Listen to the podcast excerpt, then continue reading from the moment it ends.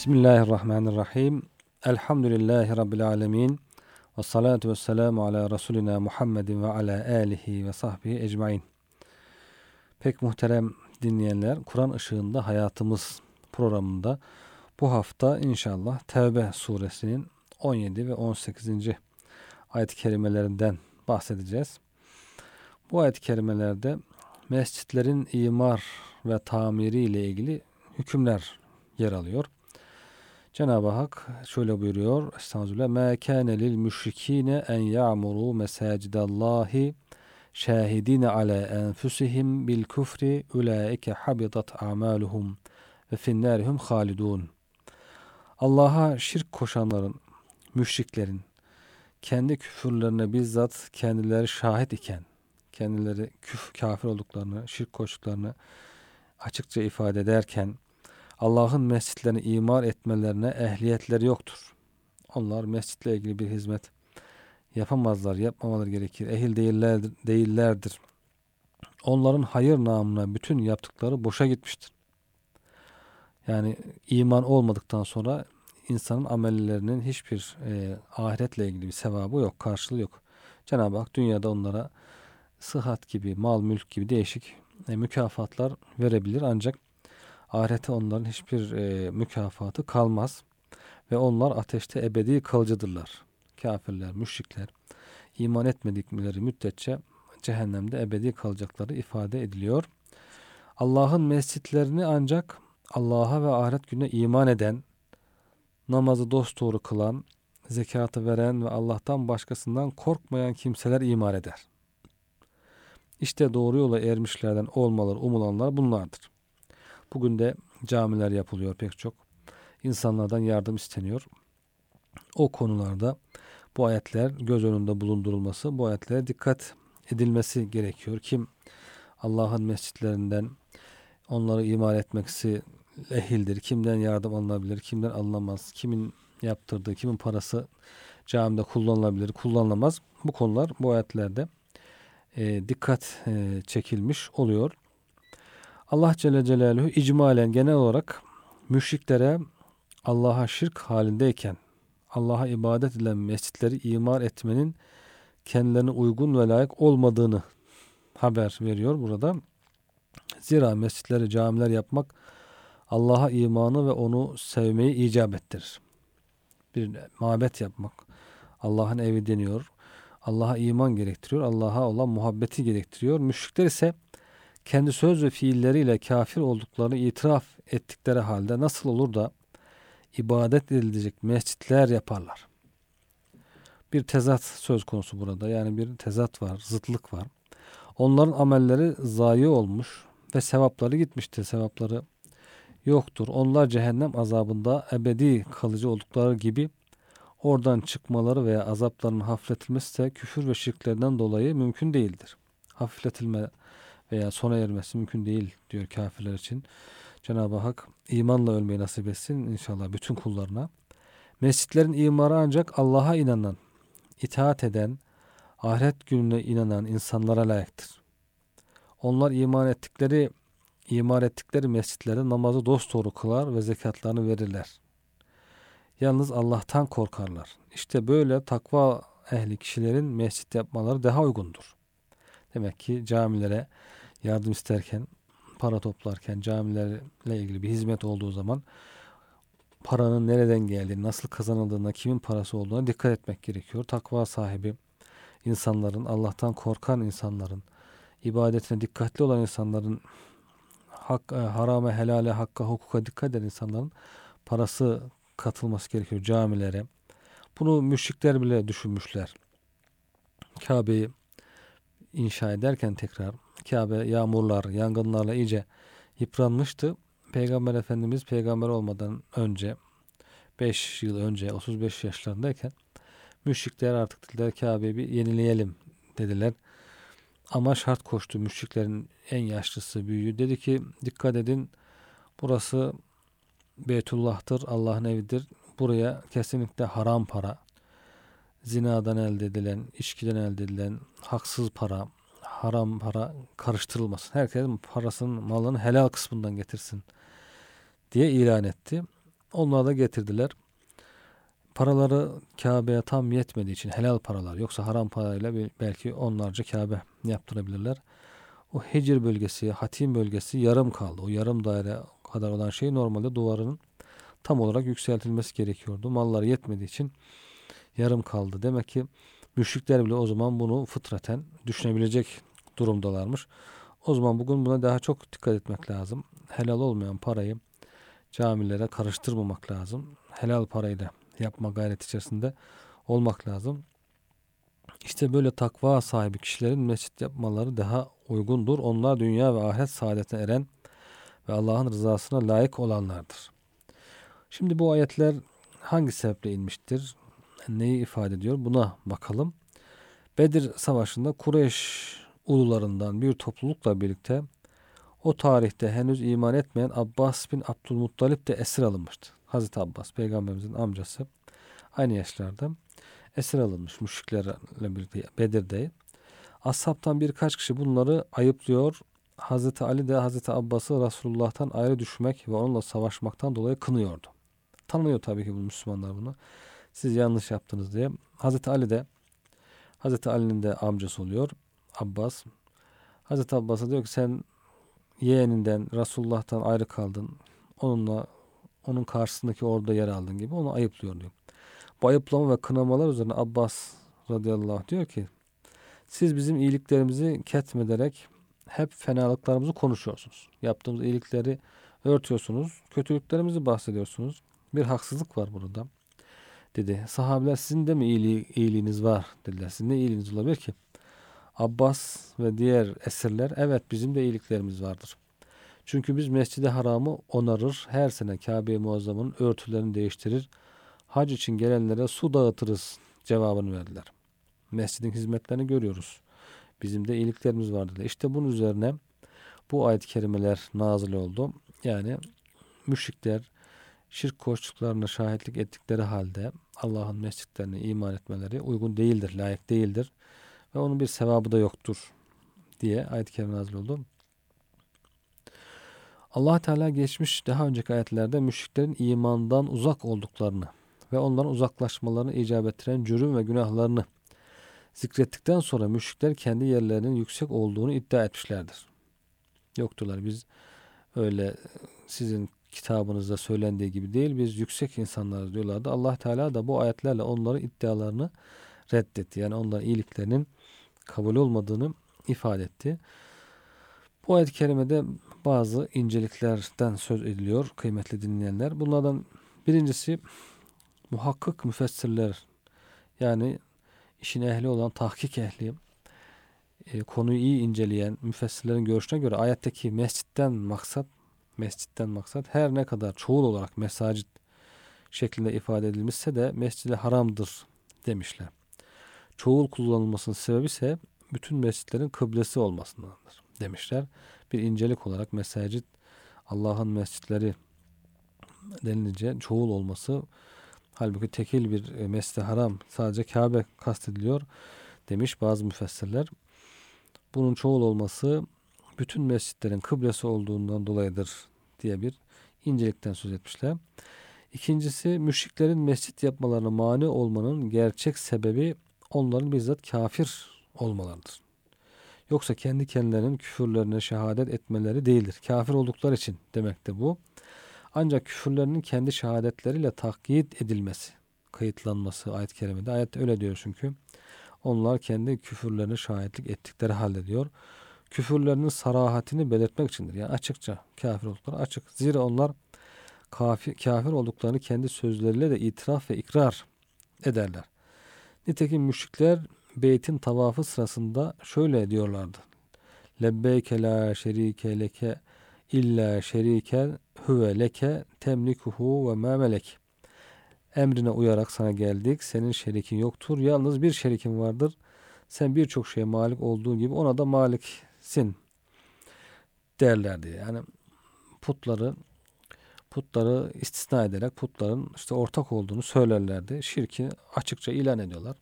İşte ayet-i kerimede onlar şirklerini böyle açıkça ilan ettikleri halde onların mescide hizmetleri nasıl olabilir diyor. Bu sözler de açıkça gösteriyor ki en kutsi ibadetleri olan beyti tavaf esnasında Allah'a eş koştuklarını itiraf etmektedirler. Kendileri söylüyorlar. Ayrıca beytin içine ve etrafına diktikleri putlar da kafir ve müşrik olduklarını teyit eden fiili işaretler. Açıkça zaten oraya putlar koymuşlar. Onlara hediyeler, kurbanlar takdim ediyorlar.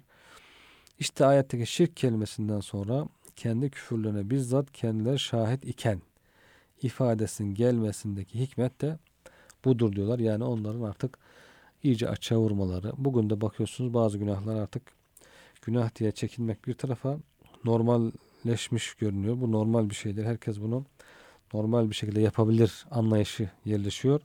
Daha da ileri gidip bu haktır, herkesin hakkıdır. İstediği gibi bu hakkı kullanması lazımdır diye tam bir ters istikamete dönebiliyor bu kafirlerin şirki böyle alenice yapmaları gibi.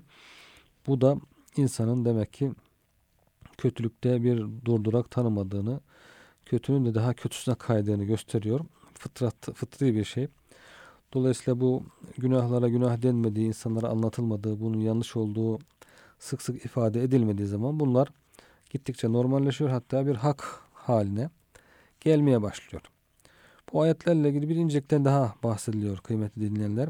Ebu Hayyan Endülüslü büyük müfessirlerimizden diyor ki müminlere camiler imar ile birlikte camilerin onarılması, temiz tutulması, saygı gösterilmesi, oralarda ibadet etmenin adet haline getirilmesi, yani cemaate devam, ilim öğretilmesi gibi ibadet çeşitleri ile mescitlerin dünya işleriyle gıybet ve yalan gibi şeylerden korunması da emrolunmuştur. Bu ayet-i kerimelerden bir işaret de çıkarıyor. Ebu Hayyan diyor ki müminlere mescidin imarıyla birlikte şunlar da emrediliyor. Caminin temiz tutulması. Camiler temiz tutulacak. Camilerin temizliğine dikkat edilecek. Oralara saygı gösterilmesi. Camilere saygı gösterilmesi oralarda ibadet etmenin adet haline getirilmez. Bugün bakıyorsunuz evde ibadet etmeyi adet haline getirmişiz. Çoğu zaman camiye gitmeyen Müslümanlar var. Yani Müslüman evinde tamam namazını kılıyor falan ama evinde kılıyor devamlı. Camiye gitmek hiç adeti değil. Bakıyorsunuz bir mahallede hiç camide görmediğiniz insanlar, Müslümanlar var. Halbuki namazı camide kılmak, camide kılmayı ibadet, e, adet haline getirmek gerekiyor. Yani devamlı mescide gitmek, cemaatle camiye gitmek gerekiyor. Sonra ilim öğretilmesi. Camide ilim de öğretilecek. Bu tür ibadetler olacak. Bunun zıttına mescitlerin dünya işleriyle gıybet ve yalan gibi şeylerden korunması da emredilmiş oluyor. Demek ki e, gıybet, yalan, boş konuşmalardan da mescidi, mescitler, camileri temizlemek gerekiyor. Resulullah sallallahu aleyhi ve sellem bir kimsenin camiye gitmeyi adet ettiğini gördüğünüz, gördüğünüzde onun imanlı olduğuna şehadet ediniz. Hadis-i şerifi de Ebu Hayyan'ın bu sözlerine bu sözlerini e, takviye ediyor veyahut da bu sözlerden alınmış oluyor. Ebu Hayyan bu sözlerden hareketle bu sözü e, söylemiş oluyor. Efendimiz sallallahu aleyhi ve sellem camiye devamı imanın bir alameti olarak bizim önümüze koyuyor. Bir insan camiye gittiğini, mescitlere devam ettiğini, cemaatle namaz kılmaya önem verdiğini gördüğünüzde bilin ki o imanlı bir insandır. Onun imanına rahatlıkla şahitlik edebilirsiniz buyuruyor.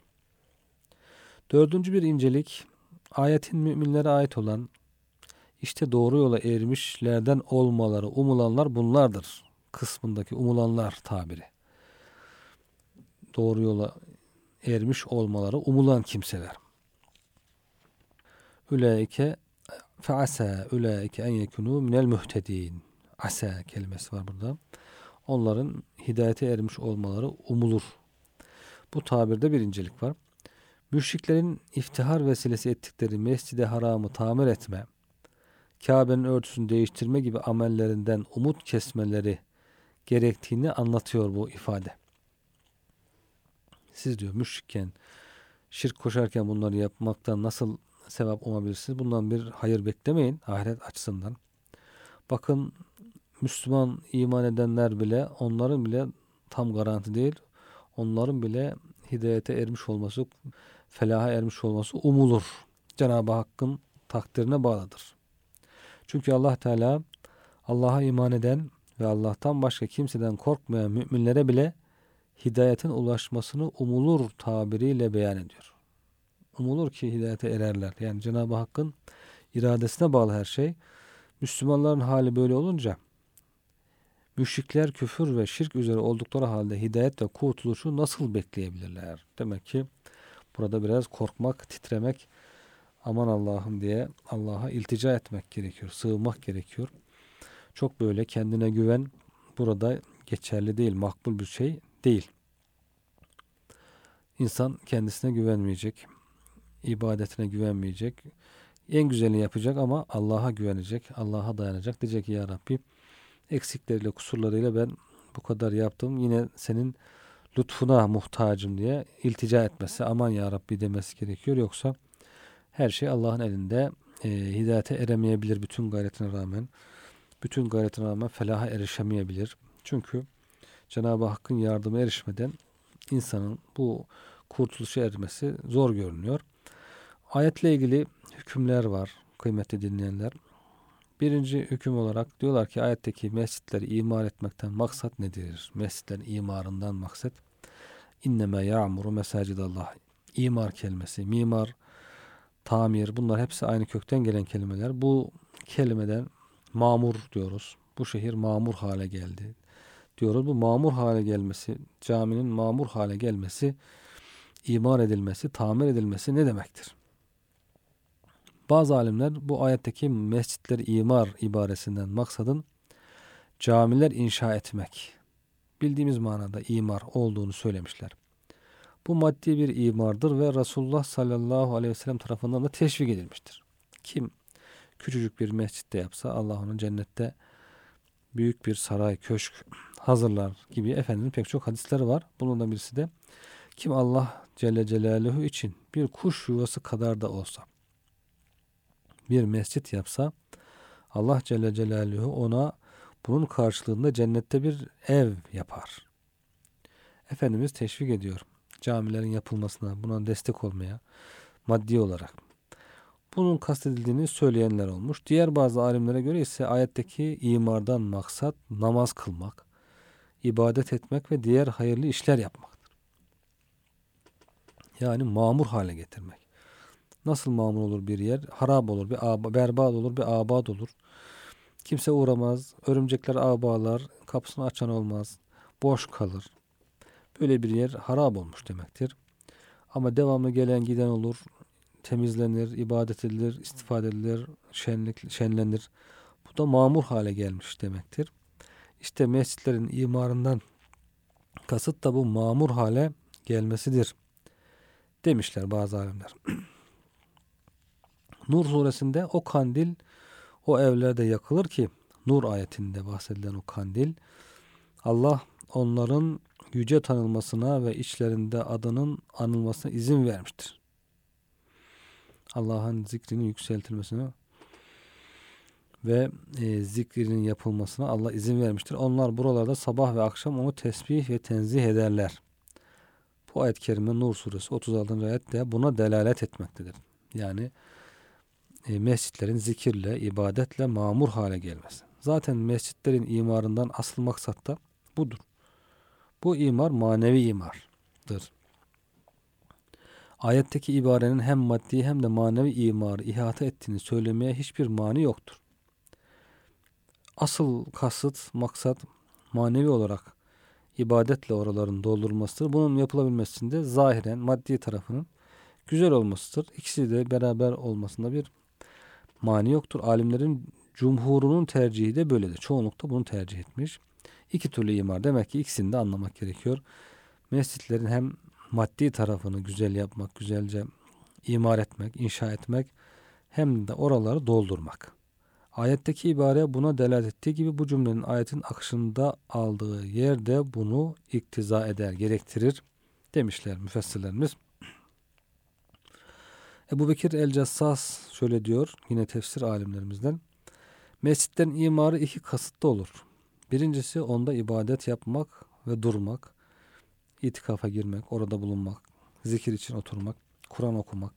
İkincisi ise inşası ve tamiridir. Nitekim ziyaret maksadıyla Mescid-i Haram'a ve Kabe'ye haç mevsimi dışında gidenlere de muhtemir denir. Muhtemir, umre. Umre kelimesi de buradan demek ki geliyor.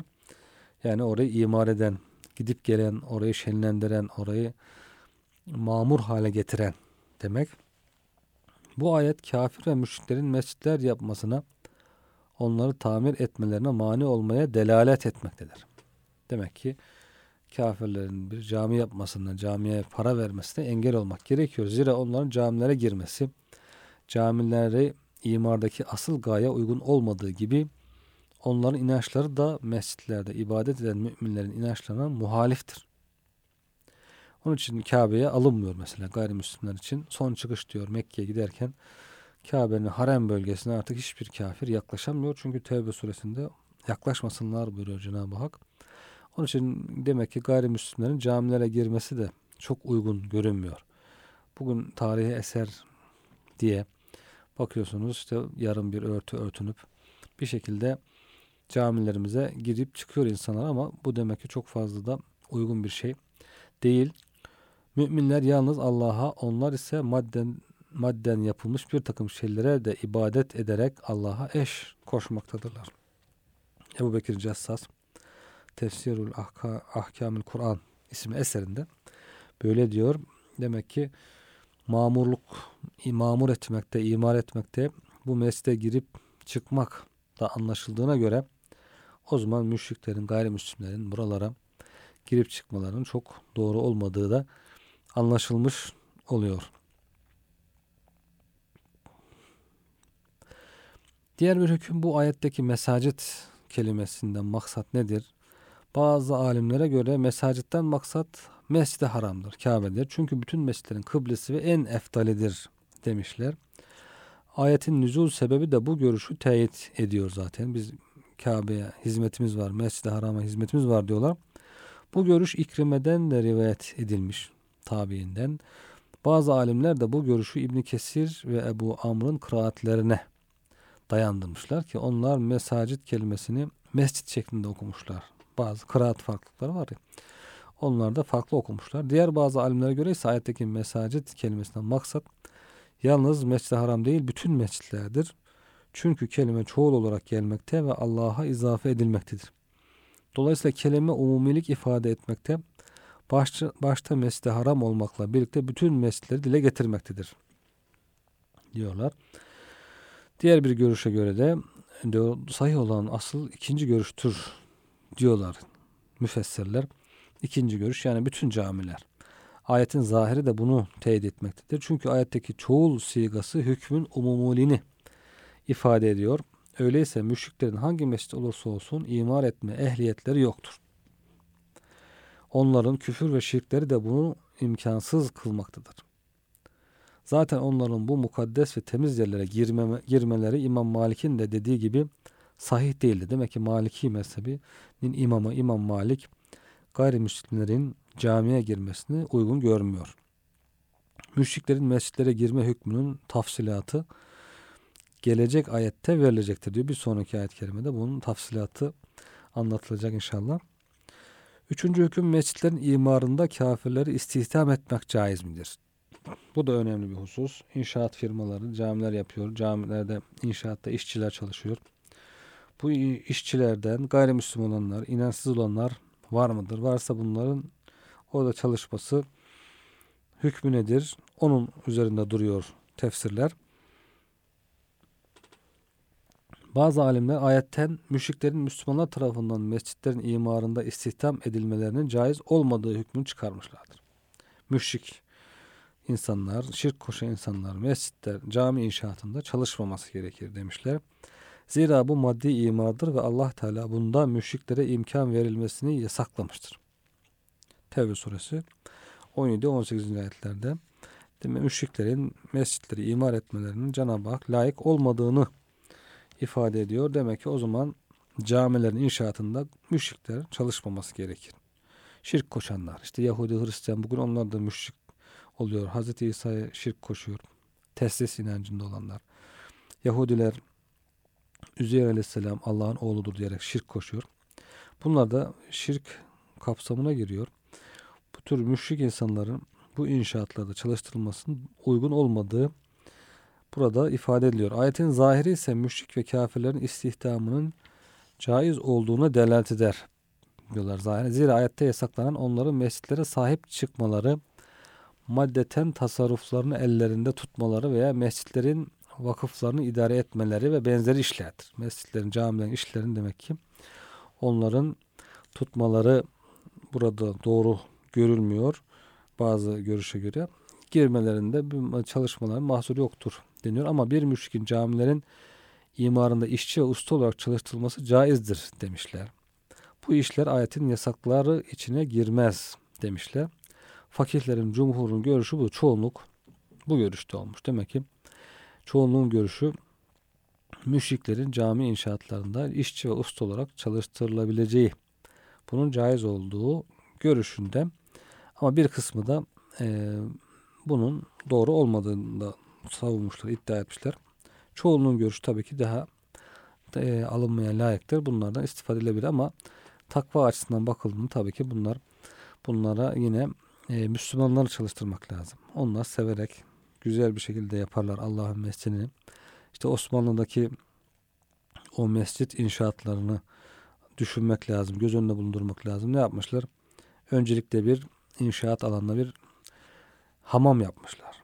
Gelsin işçiler burada sabah güzelce abdestini alsın. Abdestsiz bir şekilde işe başlamasın diye. İş bitince yine hamamda temizlensin öyle gitsin diye. Abdestsiz bir e, cami inşaatı düşünmemişler. Bugün buna riayet edilmiyor maalesef.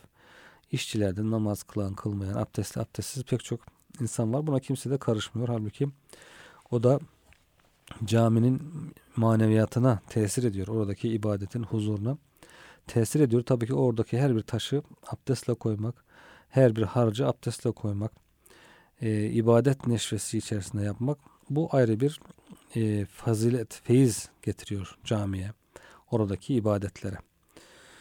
Bu ayet kerime, iki ayet kerimeden ne dersler çıkarıyoruz kıymetli dinleyenler? Bunlara da bakalım kısaca. Bir müşrikler küfürlerinden dolayı yaptıkları hayırlardan sevap alamazlar. Ayet-i kerimeden bu anlaşılıyor. Zira Allah Teala biz onların herhangi bir amel ve hareket yaptılarsa hepsinin önüne geçtik de bunları saçılmış ve hiçbir değeri olmayan zerreler, zerreler yaptık. Furkan suresi 23. ayet kerime biz onları saçtık, savurduk. Onlara bir kıymet vermedik, bir karşılık vermedik buyuruyor. Bu ayet de bu gerçeği ifade ediyor. Gayrimüslimler, imansız insanlar bir hayır, bir iyilik yaparsa bu dünyada Cenab-ı Hak onlara bu dünyada karşılığını verir buyuruyor Cenab-ı Hak. Sıhhat olarak, mal olarak, huzur olarak onlara ahirette bir şey bırakmaz diye. Ahiret saadetinin en büyük, en birinci anahtarı, sebebi iman oluyor. İman olmayınca oraya bir hazırlık yapamıyor bir insan. Öncelikle iman olması gerekiyor. Sonra diğer iyiliklerin olması gerekiyor. İkincisi mescitleri imar etmek Allah'ın haram sınırlarına tazim eden iman ehline layıktır.